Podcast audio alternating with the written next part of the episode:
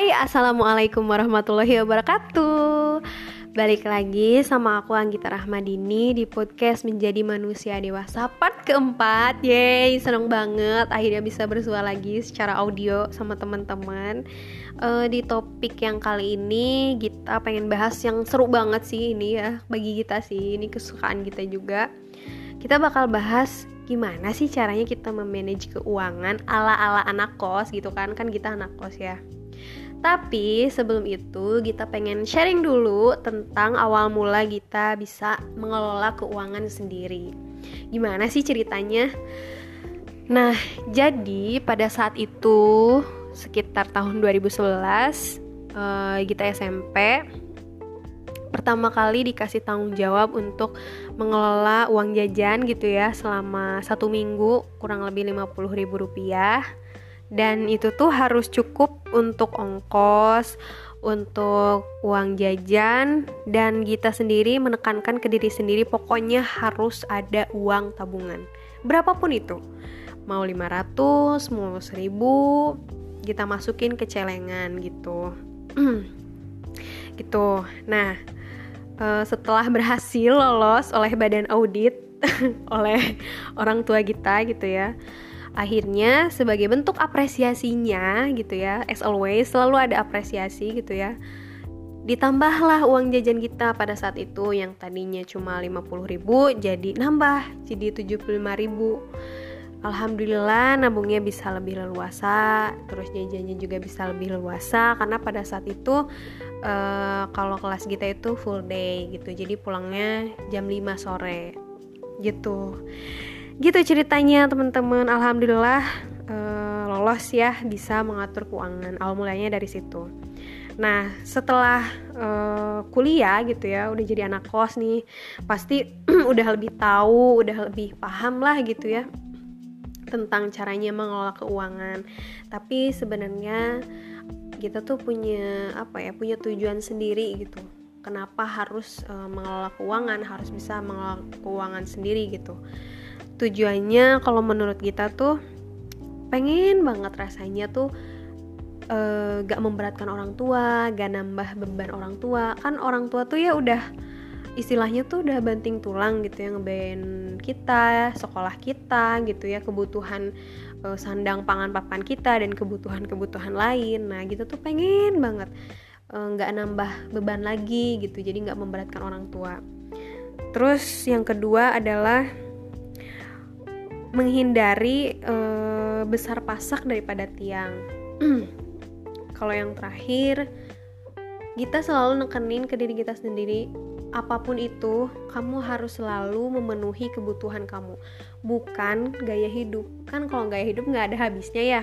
Punya A, pengen punya B, punya B, pengen punya C. Tapi kalau kebutuhan hidup, berarti kita akan selalu memprioritaskan sesuatu yang emang kita butuhin gitu gitu teman-teman.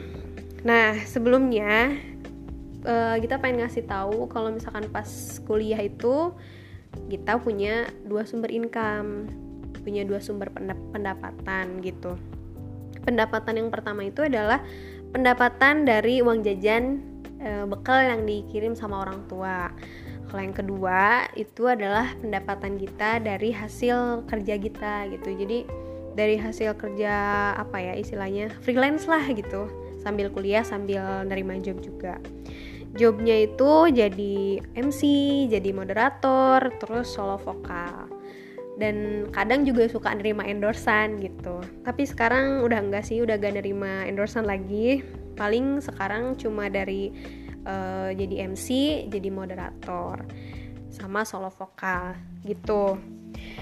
Nah caranya gimana sih e, bagi keuangan itu gitu ya? Kalau misalkan dari e, sumber pendapatan yang dikirim dari orang tua dari uang jajan orang tua gitu ya itu kita alokasikan menjadi dua bagian.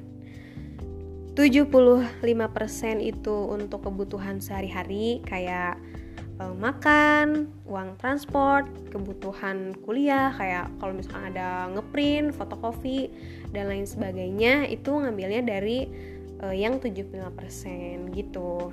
Nah, yang kedua yang 25%-nya itu untuk dana darurat.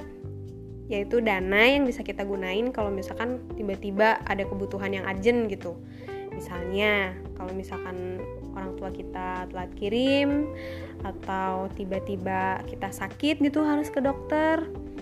E, buat infak juga penting banget ini teman-teman. Buat kebutuhan random kayak belanja gitu ya belanja bulanan atau misalkan kita juga kan perlu ya buat refreshing gitu ya ya sekali mah gitu ya e, ketemu sama teman-teman atau acara organisasi gitu ya atau nonton misalkan. Nah ini masuknya ke dana yang 25% yang tadi yang 75% itu boleh disimpan di dompet atau di amplop atau masukin dulu ke celengan terus dimasukin ke rekening boleh gitu. Jadi ada dua alokasi dana dari uh, uang yang dikirim orang tua. 75% untuk kebutuhan sehari-hari dan 25% untuk dana darurat. Gitu caranya cara kita ngatur uh, uang yang dikirim dari orang tua. Nah kalau misalkan yang kedua ini adalah apa ya sumber income yang bahagia banget gitu rasanya. Udah bisa nih ngasilin uang sendiri walaupun memang belum seberapa gitu ya jauh lah gitu kalau misalkan dibandingkan dengan eh, orang-orang uh, yang penghasilannya tetap namanya juga kerja sambilan sambil kuliah gitu ya mengisi waktu luang itu kalau misalkan honor dari hasil mod jadi moderator, jadi MC, terus juga ngisi solo vokal di acara-acara nikah atau misalkan acara resmi lainnya, kita bagi jadi empat. Yang persentase yang pertama itu 50% adalah untuk kebutuhan penunjang kita dalam berpenampilan saat bekerja atau bisa digunain pas kuliah juga sih sebenarnya 50% adalah untuk beli outfit, uh, beli perfume, skincare. Nah, ini 50%. 10%-nya itu untuk uang transport menuju tempat acara atau pokoknya uh, berhubungan dengan akomodasi ini adalah 10%. Terus, yang selanjutnya tadi udah 60%, 30% itu ditabung untuk beli buku, beli souvenir buat keluarga kalau misalkan mudik. Kan kalau gitu tuh kalau mudik gitu ya atau pulang ke rumah ritual yang wajib bagi kita adalah beli sesuatu atau oleh-oleh buat keluarga di rumah. Itu tuh wajib. Pokoknya kita harus banget itu selalu gitu. Itu 30 persennya.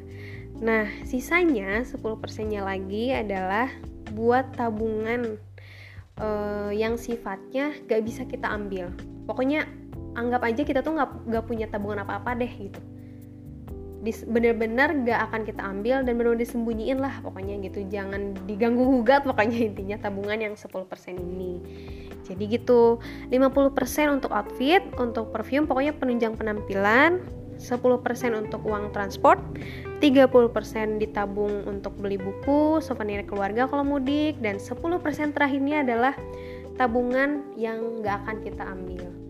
Gitu buat jaga-jaga. Gitu teman-teman so segitu aja uh, sharing kita kali ini tentang cara mengelola keuangan ala-ala anak kos gitu ya. Sambil tadi kita nostalgia dulu tentang awal mulanya kita bisa mengelola keuangan. Semoga bisa bermanfaat buat teman-teman. Semoga suka juga. Makasih banyak. Wassalamualaikum warahmatullahi wabarakatuh